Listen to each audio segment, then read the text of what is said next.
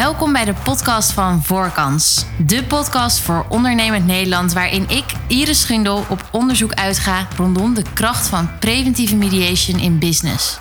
Zelf ben ik ondernemer en de oprichter van het platform Voorkans. Daar koppel ik experts aan zakelijke partijen om het allerbeste van iedere samenwerking te maken.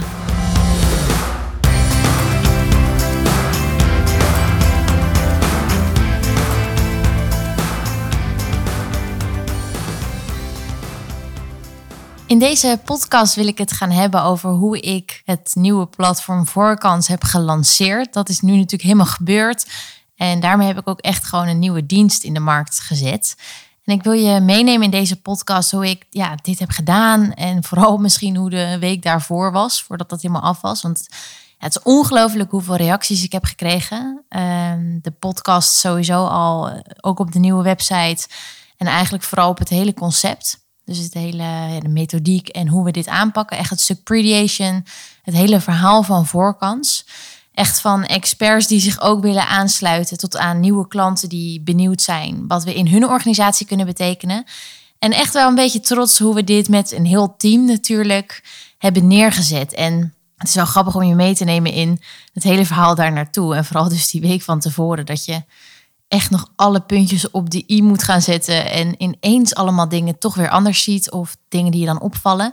En wat ik zei, daar zit natuurlijk een heel team omheen. En ja, gaan we de deadline dan halen? Ehm, maar wat ik ook bij mezelf merkte, is dat je echt zeven stappen vooruit moet denken. En dat je ineens uh, eigenlijk er toch weer achter komt, vlak van tevoren, van oh, en wat gebeurt er dan eigenlijk als iemand daar dan op klikt? Of als iemand zich dan wil aanmelden voor die nieuwsbrief, dan moet daar natuurlijk ook een soort van bevestiging voor gaan komen. Of, en al die teksten die ik natuurlijk moest maken en, en hoe het eruit moest komen te zien en welke mogelijkheden er allemaal moesten zijn.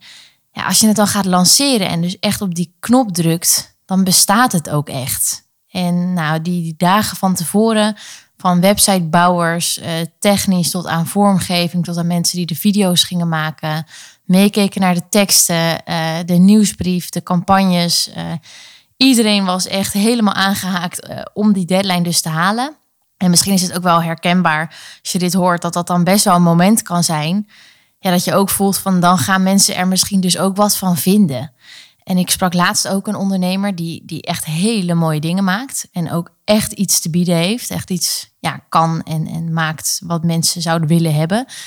En ook toch merk ik daar dan een soort twijfel op dat stuk lanceren.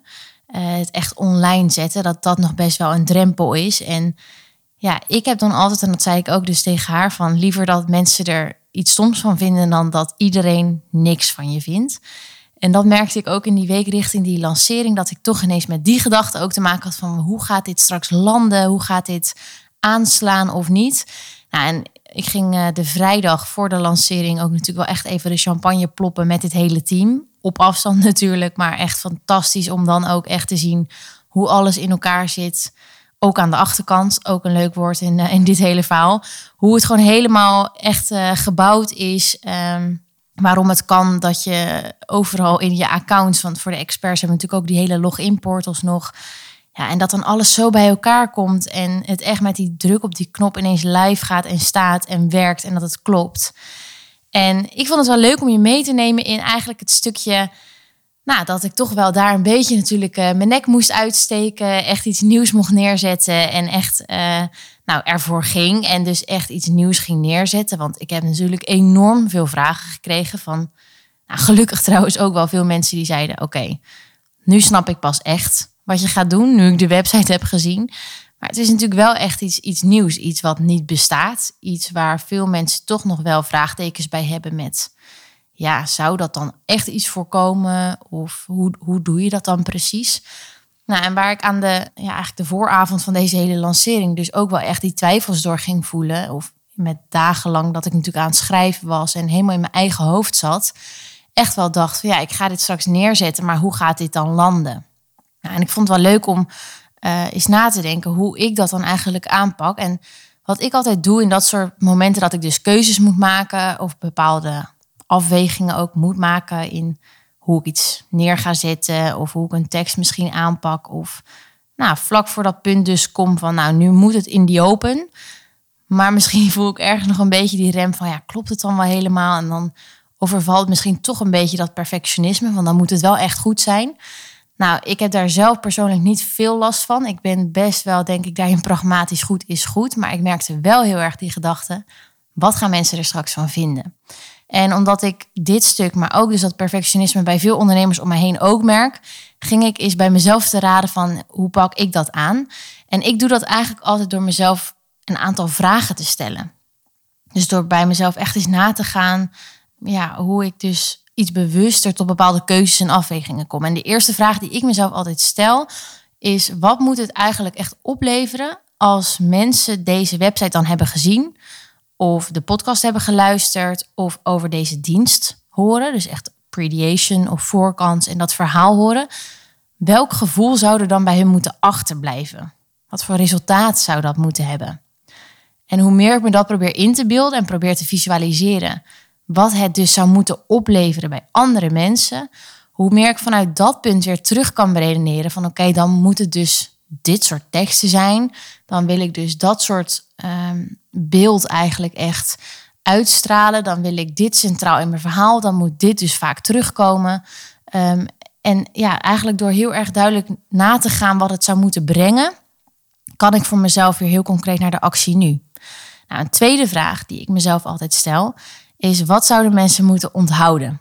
Want dat vond ik bij dit stuk echt een van de grootste uitdagingen.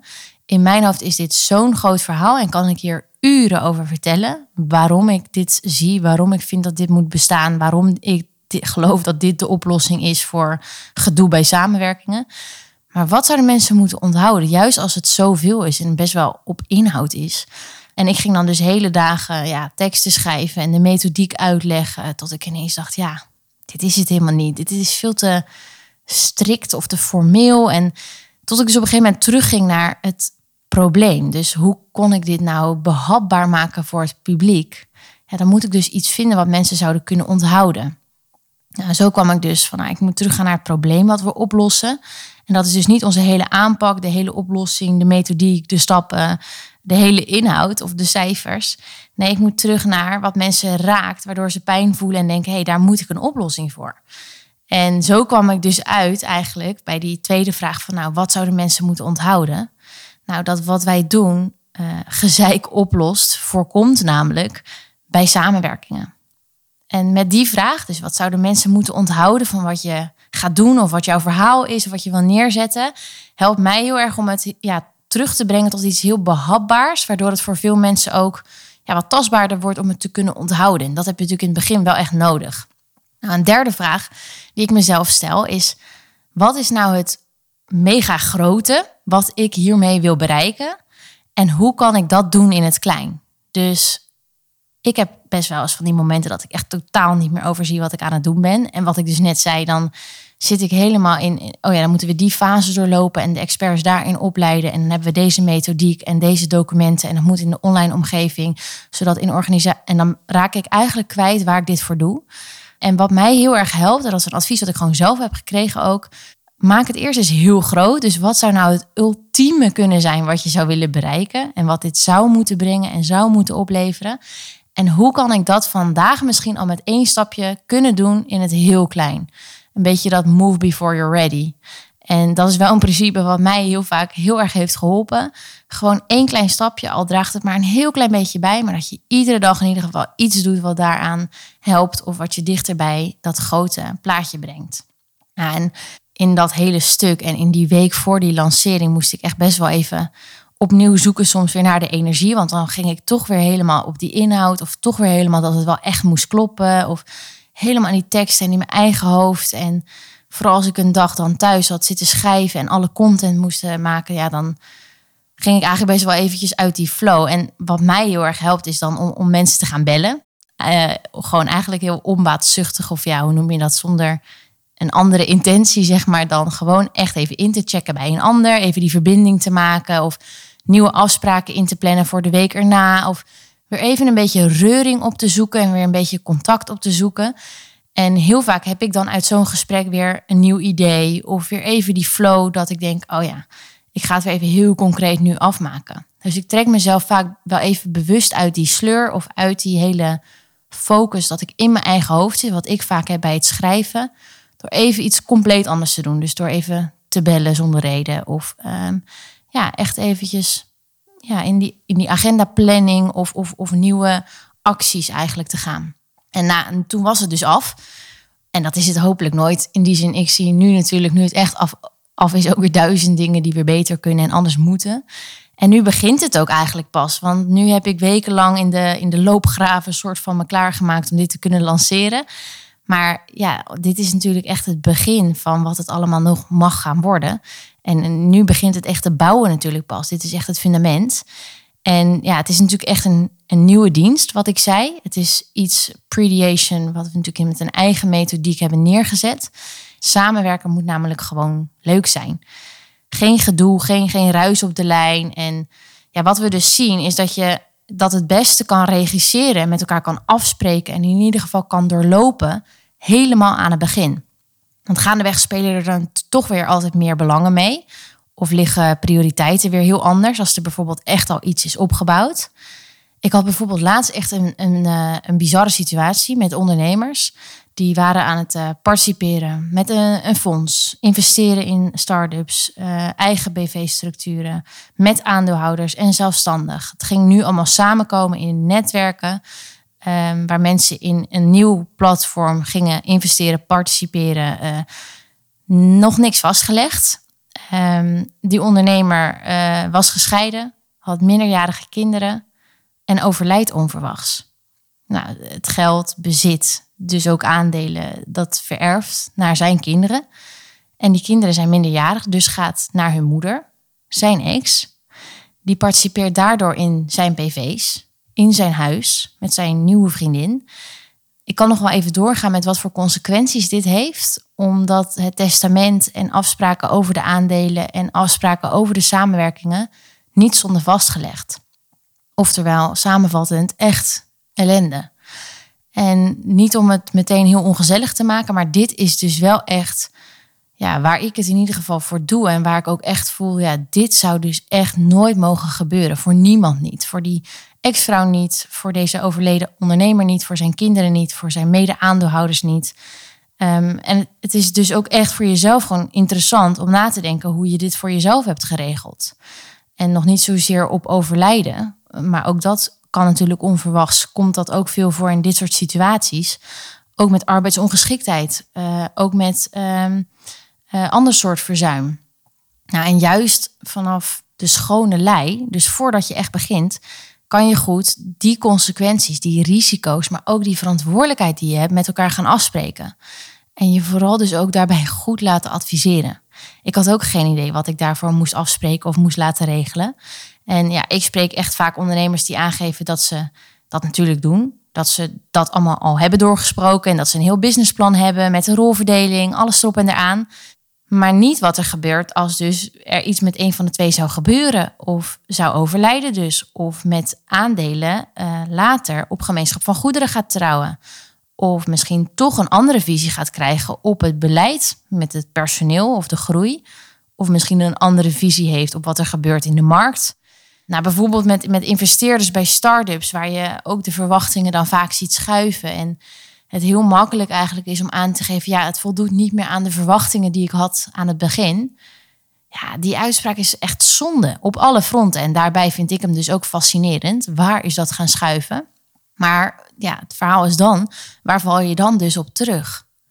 En dat is vaak dan dus het juridische contract. En de laatste opties en de, de uitsluitingen die daarin staan. En dan staat natuurlijk alles onder druk van alle partijen. En het leuke is dat ik uh, met deze dienst, met dit hele verhaal van voorkant, best wel te horen krijg van, oh, eigenlijk net als bij huwelijk, hè, oh, dan moet je dus dit gaan bespreken, ervan uitgaande wat je gaat doen als het niet goed gaat. Dat is toch helemaal niet, niet leuk. En dat vind ik wel mooi, dat Kijk, in, in Amerika heb je met prenups natuurlijk, in, bij huwelijken is het al veel normaler. Gelukkig is huwelijkse voorwaarden in Nederland nu ook al veel normaler. Maar in relatietherapie gaan als het heel goed gaat, dat is nog helemaal niet normaal. Het zou hoe gaaf als dat zou kunnen. En dus niet met het idee, we moeten bespreken wat we doen als het niet goed gaat. Juist andersom, wat gaan we ervoor doen om dit vertrouwen wat we nu hebben vast te houden? Dus niet om ervan uit te gaan dat we het erover moeten hebben, wat als, Eh, wat als we uit elkaar gaan? Andersom. Wat als we elkaar een stukje verliezen? Wat als we toch dingen gaan veranderen? Wat als ik bepaalde dingen ga merken op, op irritatie of een andere visie of andere belangen misschien thuis heb en daardoor andere prioriteiten moet gaan stellen? Wat we dus willen is dat we de relatie juist verstevigen. Dus juist ervoor zorgen dat je niet hoeft terug te vallen op die juridische contracten. Ja, op dit soort momenten ben ik dan dus blij met een podcast. Want hier wil ik dus echt steeds meer ja, stap voor stap gaan uitleggen en gaan verdiepen. En gaan delen ook hoe wij dit in de praktijk doen. Maar ook wat jij hier zelf misschien al mee zou kunnen doen. Want er komen binnenkort ook echt leuke interviews aan met heel verschillende soorten sprekers. Waar ik mee in gesprek ga over al deze thema's. Ehm, en ja, wat ik wel merkte bij de komst van deze website is dat gelukkig mensen zeiden van nou, nu kan ik echt zien hoe je dit aanpakt en voor welke doelgroepen en wat het dus is. Maar er kwamen ook weer andere soort vragen natuurlijk uit. Dus daarom in deze podcast heb ik een paar vragen van ja, de vragen die vooral veel voorkwamen, even verzameld. Uh, vanuit die lancering die, uh, die dus plaatsvond, om hier dan ook een stap verder op in te gaan. Wat we dus doen, wat voorkans doet, wat prediation is. Uh, en als je natuurlijk zelf ook nog meer vragen hebt hierna, of, of heel andere soort vragen, dan weet je ons hopelijk ook te vinden. Want als je je als expert zou willen aansluiten of met een intake die we altijd gratis aanbieden, als je gewoon benieuwd bent wat wij in jouw samenwerking zouden kunnen begeleiden, weet ons te vinden. Want met de voorbeelden die ik net noem, ja, heel vaak zien we natuurlijk in dit soort voorbeelden, daar is het eigenlijk dus al te laat. Maar moeten we met z'n allen wachten tot we zelf die ervaring hebben opgedaan? Of kunnen we leren van de verhalen van anderen? En uh, ja, daar ga je natuurlijk wel voor. Na een eerste vraag die ik dan dus ook binnenkreeg, dat, dat ging eigenlijk over dat stuk van ja, um, we leggen dan dus die afspraken vast. Dat, die vastlegging maken we dus anders. Wij noemen dat dus duurzaam contracteren. En de vraag die ik uh, al een paar keer dus heb gekregen is ook van ja, dat is leuk, maar dat verandert toch allemaal weer. Dus dan maak je een contract en dan maak je afspraken met elkaar en dan ben je heel bewust en dan geef je die uitgangspunten, maar misschien zit je daar als persoon over een jaar wel heel anders in. En ja, verder hebben wij eigenlijk al die dingen al wel besproken vooraf, wat echt geregeld moet zijn. Daar heb je natuurlijk ook gewoon contracten voor. Nou, wat ik daar leuk aan vind, en dat is ook het verhaal wat ik net deed, van dat mensen toch een beetje dat stuk voelen van, moeten we dan nog dieper eigenlijk aan tafel met zo'n externe partij om te bespreken wat als het misgaat tussen ons? Um, maar net als bij huwelijkse voorwaarden, wat ik net noem, die ga je hopelijk ook blijven checken. En die ga je hopelijk ook blijven evalueren. Uh, want op het moment dat er een erfenis binnenkomt bij een van de twee, dan heeft dat wel weer consequenties en invloed op de afspraken die je destijds hebt gemaakt, waarbij je daar misschien nog niet van op de hoogte was. En het mooie vind ik, en ik hou me natuurlijk heel veel bezig met veranderingen in organisaties en uh, in familiesystemen. En, en verandering is het enige wat we altijd zeker weten dat dat er gaat zijn. Het gaat altijd blijven veranderen. En gelukkig ook, en zeker gelukkig in zakelijke contexten. Maar daarom moeten we het dus ook blijven evalueren. Daarom gaan onze HR-experts het ja, inrichten op meerdere groeigesprekken.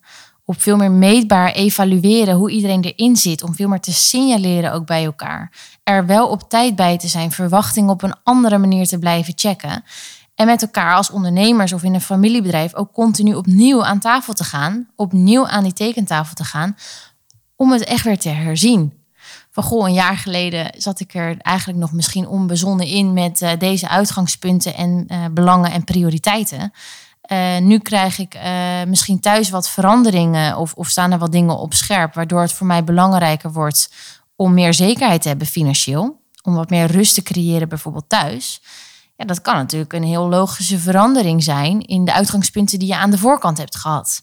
En hoe gaaf als je dus vanuit deze methodiek al dat vloeibare contract hebt gemaakt, maar vervolgens dat ook blijft evalueren. Dus ook met elkaar um, veel laagdrempeliger blijft toetsen. hey, wat kunnen we daarin aanpassen? Wat kunnen we daarin misschien uh, nog eens opnieuw aan elkaar vragen hoe dat eruit ziet? Misschien leg je zelfs al in dat allereerste contract vast wat je doet als er dus zo'n verandering als in dit voorbeeld zich voordoet. Ga je dan met elkaar aan tafel? Hoe plan je dat dan met elkaar in? Hoe zorg je ervoor dat je daar allebei altijd tijd voor wil maken? En moet daar dan iemand bij zijn?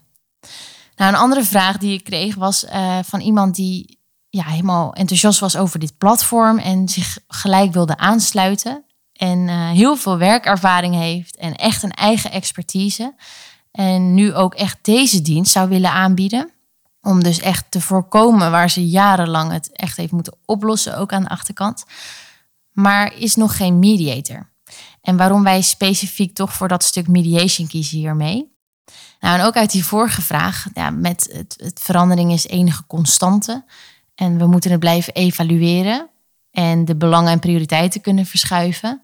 Voel je al dat je een bepaalde vaardigheid eigenlijk nodig hebt op dat stuk communicatie.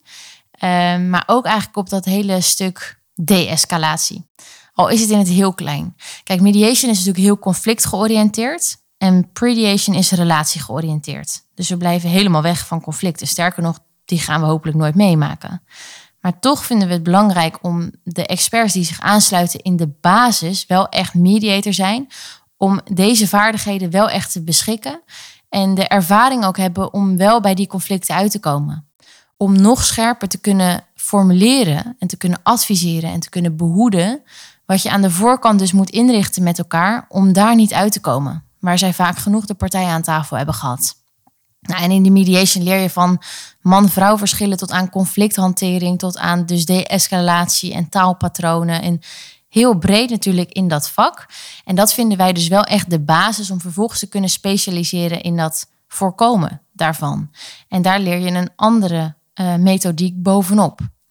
En dat is waarom we deze mensen wel echt uh, uh, op mediation neerzetten. Ook om natuurlijk veel organisaties, uh, want die vraag kreeg ik ook, van ja, bij ons spelen er eigenlijk al best wel veel spanningen en is er wel wat reuring al op de werkvloer. Zit ons uh, leiderschapsteam niet helemaal op één lijn? Kunnen we dan een expert van voorkans daar ook voor gebruiken of zijn we dan dus al te laat? En dat is natuurlijk een hele mooie, waar je eigenlijk ziet dat het heel vaak natuurlijk binnenkomt op dat probleem, op dat stuk, op die, uh, ja, dat je signaleert dat het niet goed loopt. En dan vind ik het wel echt belangrijk dat iemand dan echt helemaal alles in huis heeft, los van zijn expertise, als bijvoorbeeld financieel planner of arbeidsjurist. Of om wel echt die mediation vaardigheden in huis te hebben en dat dus eerst te kunnen uh, managen, anders in te kunnen richten, de belangen echt duidelijk op tafel kan krijgen, om vervolgens vanuit die specialisatie het vanaf de kern anders in te gaan richten. Dus wel veel meer weer naar het begin te gaan en die basis in zo'n organisatie ook anders in te zetten. En dat is waarom we dus wel echt zeggen, nou, wij, wij willen toch dat je dat basispakket van A tot Z doorloopt.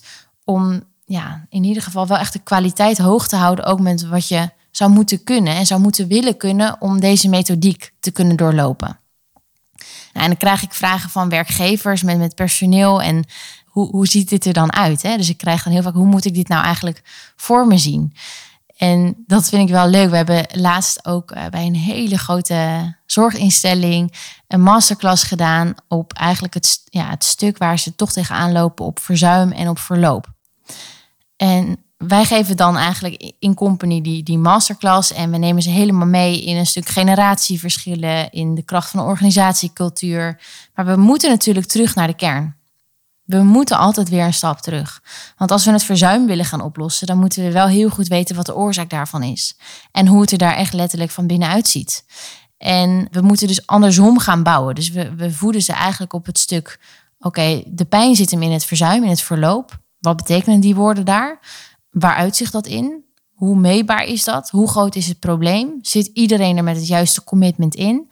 En hoe gaan we dan terug langzaam bouwen naar die basis en dan kom je dus altijd uit bij die organisatiecultuur. En dan gebruiken wij dus vaak generatieverschillen als middel om de inzichten te geven um, en uit te leggen waar toch wel die verschillen zitten. Of dat nou in generaties zit, of ook in de tijdsgeest, of ook in de behoefte aan de, aan de snellere ontwikkeling. Of je komt altijd in ieder geval op het juiste gesprek uit. En dat is wel heel gaaf, dat we als mensen vragen, ja, hoe ziet het er nou uit? Hoe, hoe moet ik nou voor me zien wat jullie dan doen? Dan is dat dus bij een grote organisatie die binnenkomt met, uh, met de uitdaging op verzuim of op verloop of op uh, het, het, lastig kunnen binden van jonge mensen. Um, kan het dus snel al eigenlijk zo'n zo van zo'n kick-off naar hele nieuwe vastlegging gaan vanaf het begin. Maar wil je het systeem veranderen, moet je natuurlijk toch op die cultuur gaan zitten. Nou, en bijvoorbeeld bij ondernemers is dat alweer anders. Is het alweer veel behapbaarder. Maken we heel vaak gewoon echt een, een uh, basispakket. Dus echt een scan op die samenwerking. En ja, daar zie je dat je echt vanuit een intake het helemaal gaat begeleiden. Heel goed moet natuurlijk gaan inventariseren. Hoe zit die relatie in elkaar? Welke afspraken liggen er misschien al? Spelen er investeringen? Of hoe ziet het er financieel helemaal uit? Welke plannen zijn er misschien al? Hoe gaan we dat in de zakelijke fase eigenlijk met elkaar vastleggen? Dus welke afspraken zijn zinvol, welke zijn noodzakelijk en welke zijn optioneel? Um, daar adviseren we dan natuurlijk en informeren we vooral. En dan leveren we een uh, voorstelcontract op, ofwel psychologisch en juridisch in één. En borgen we echt die samenwerking. Dus maken we die afspraken zo vloeibaar en zo evaluatiegevoelig dat ja, je moet gewoon een abonnement willen op je samenwerking. En die evaluatie zit er dan natuurlijk ook altijd bij in. En dan heb je al eigenlijk best uh, overzichtelijk en behapbaar een basispakket om als ondernemers in ieder geval met elkaar te kunnen starten.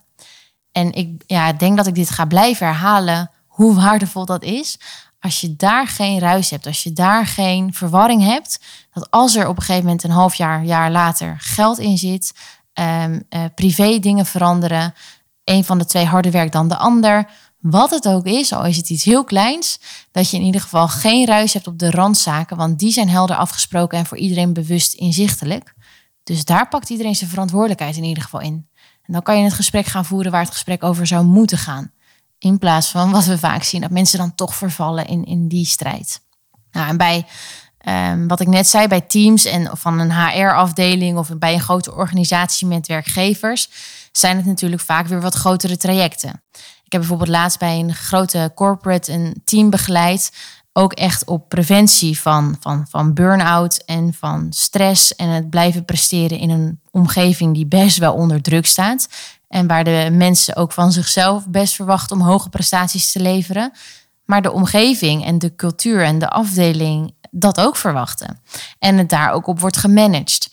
Nou, en hoe gaaf om dan met een team zo'n traject te doorlopen om echt terug te gaan stap voor stap naar die basis. Waar zit het dan in?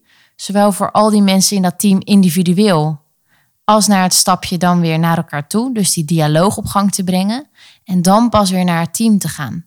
Dus echt stap voor stap bouwen we dan natuurlijk dat hele systeem weer op. Om met elkaar in ieder geval een stuk weerbaarheid te maken in dat hele systeem wat we in die organisatie zo groot misschien niet gaan veranderen.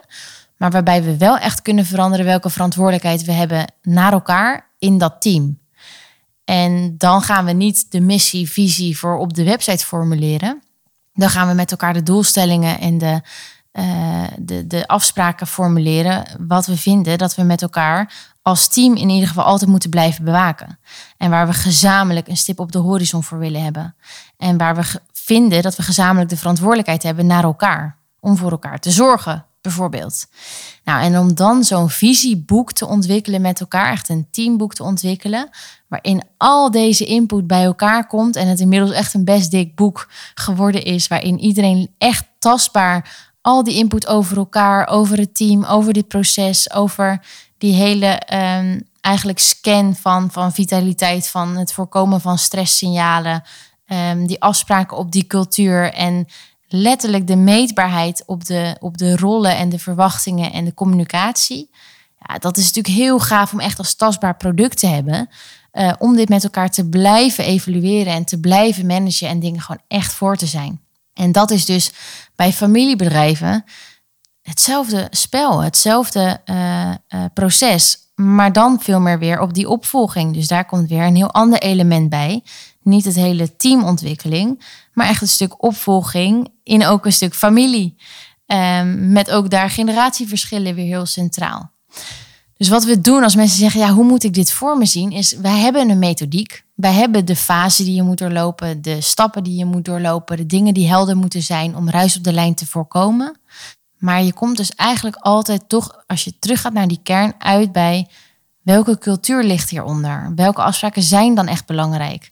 En natuurlijk adviseren we daar waar nodig. We informeren op alle fronten. We hebben genoeg formats en schablonen om mee uit de voeten te kunnen. Uh, maar daarom zien al die trajecten er zo anders uit. En gaat het veel meer om de manier van denken en veel meer om de borging van de samenwerking. In plaats van op puur check-check op arbeidsongeschiktheidsverzekering, die ook belangrijk is. Nou, ik heb voor mezelf nu natuurlijk met voorkans want er zijn nog veel meer vragen, maar ik dacht, ik pak er gewoon een paar uit die echt veel voorkwamen. Van nou, hoe ziet het er nou uit? Uh, hoe, uh, ja, wat, wat gebeurt er dan als je dit anders vastlegt? Want het verandert allemaal toch weer. Tot aan waarom echt met mediation. Er zijn nog veel meer vragen en daar kom ik ongetwijfeld ook nog wel op terug. Maar ik wilde je in dit verhaal graag meenemen in het stuk. Ik heb dit helemaal gelanceerd. Um, met best wel uh, horten en stoten. Zeker in de week in de aanloop naar die deadline. Met een heel team om mij heen. Om echt met mezelf continu opnieuw dat gesprek aan te gaan. Mezelf die vragen te stellen. Om het steeds helder te houden. Om mezelf wel in de juiste koers te houden. Om mezelf in de juiste energie te blijven houden wilde ik je meenemen in hoe ik voor mezelf eigenlijk dat heb getrechterd naar dat ik dus echt een nieuwe dienst in de markt wil zetten. De vragen die dat gelijk heeft opgeroepen, waar ik deze podcast dus ook echt voor wil gebruiken, om dat steeds meer uit te leggen en uit te diepen wat dit nou is. Om vervolgens ook dus met heel andere experts dat gesprek eens aan te gaan. Van hey, dit is de visie. Ik geloof er heilig in dat we gedoe bij samenwerken echt kunnen voorkomen. Dat het iets is wat leuk moet zijn. Dat er geen ruis op de lijn zou mogen zijn op dingen die je met elkaar goed had kunnen afspreken vanaf die schone lei. Dat preventie ook nooit te laat is, dus dat je ook opnieuw aan tafel kan gaan om het te herzien. Sterker nog, evaluatie is de APK die een samenwerking verdient. En ja, ik wilde jullie dus heel erg meenemen in de vragen die het in deze twee weken tijd, want daar heb ik het dan nu over, de, de aanloop naar die lancering toe hoe ik dat heb aangepakt, de vragen die het vervolgens oproept, wat mijn antwoorden daarop zijn. En waar ik dan nu dus sta, is dat het voor mij echt nu gaat beginnen. Dus dat ik nu de accounts aan de achterkant voor al die experts uh, volledig aan het vullen ben natuurlijk met alles van, van, de, van de methodiek, van de documentatie, uh, van de hele opleiding en de doorontwikkeling. Um, dat we natuurlijk steeds meer klanten en trajecten ook uh, verbinden aan de vraagstukken die daar spelen. Dat we natuurlijk steeds meer feeling ook gaan krijgen met wat voor soort pakketten we dan kunnen aanbieden. Um, ja, en, en dat ik gewoon helemaal klaar sta samen met de experts die zich hebben aangesloten. Om nu gewoon echt te gaan bouwen vanaf dit fundament. En ja, hoe ik dan door die weken zo heen ben gekomen en nu jullie mee te nemen in wat voor mij daarin altijd werkt door mezelf dus die vragen te stellen. En door mezelf dus uit die sleur af en toe te trekken om het weer even te toetsen. En door met dit soort vragen juist te filteren van hey, als dit de vragen zijn die dus uit de reacties nu komen, dan is dat dus ook wat er in de markt gebeurt. Want dan kunnen we best vaak wat groter trekken, zeker als je een paar keer dezelfde vraag krijgt. Nou, en om me daar gewoon goed op te blijven focussen, om heel erg in verbinding te blijven met wat het oproept, hoe mensen er naar kijken, wat de eerste reacties zijn, een eerste indruk maak je vaak toch maar één keer. Um, wilde ik je gewoon meenemen in hoe, hoe ik daar allemaal gebruik van maak en hoe ik dat uh, voor mezelf heb doorlopen. En waar we nu dus weer staan. De komende tijd ga ik namelijk uh, heel veel webinars geven. Uh, de nieuwsbrief is nu natuurlijk helemaal klaar. Um, er komen altijd artikelen, nieuwe podcasts, dus ook met interviews. De trajecten lopen door van ondernemers tot aan investeerders bij start-ups. Het wordt allemaal as we speak ook begeleid en in nieuwe soort contracten vanuit echt met elkaar het te maken nu begeleid. En ja, wat ik zei, we staan echt klaar om met z'n allen daarmee vanuit dat geloof en dat verhaal de markt in te gaan. Want dit is waar misschien nog niet de vraag per se is, maar zeker wel de behoefte voor bestaat. En dat is voorkans. Dankjewel voor het luisteren van deze podcast. Leuk natuurlijk als je ons volgt, hier abonneert. Je kan natuurlijk nog meer lezen op voorkans.nl. En misschien heb jij als expert ook wel interesse in het membership. Ik vind het natuurlijk altijd leuk om te horen wat jij hieruit hebt gehaald. En vergeet niet, kansen zijn er om benut te worden. En vooral die voorkansen. Graag tot een volgende keer.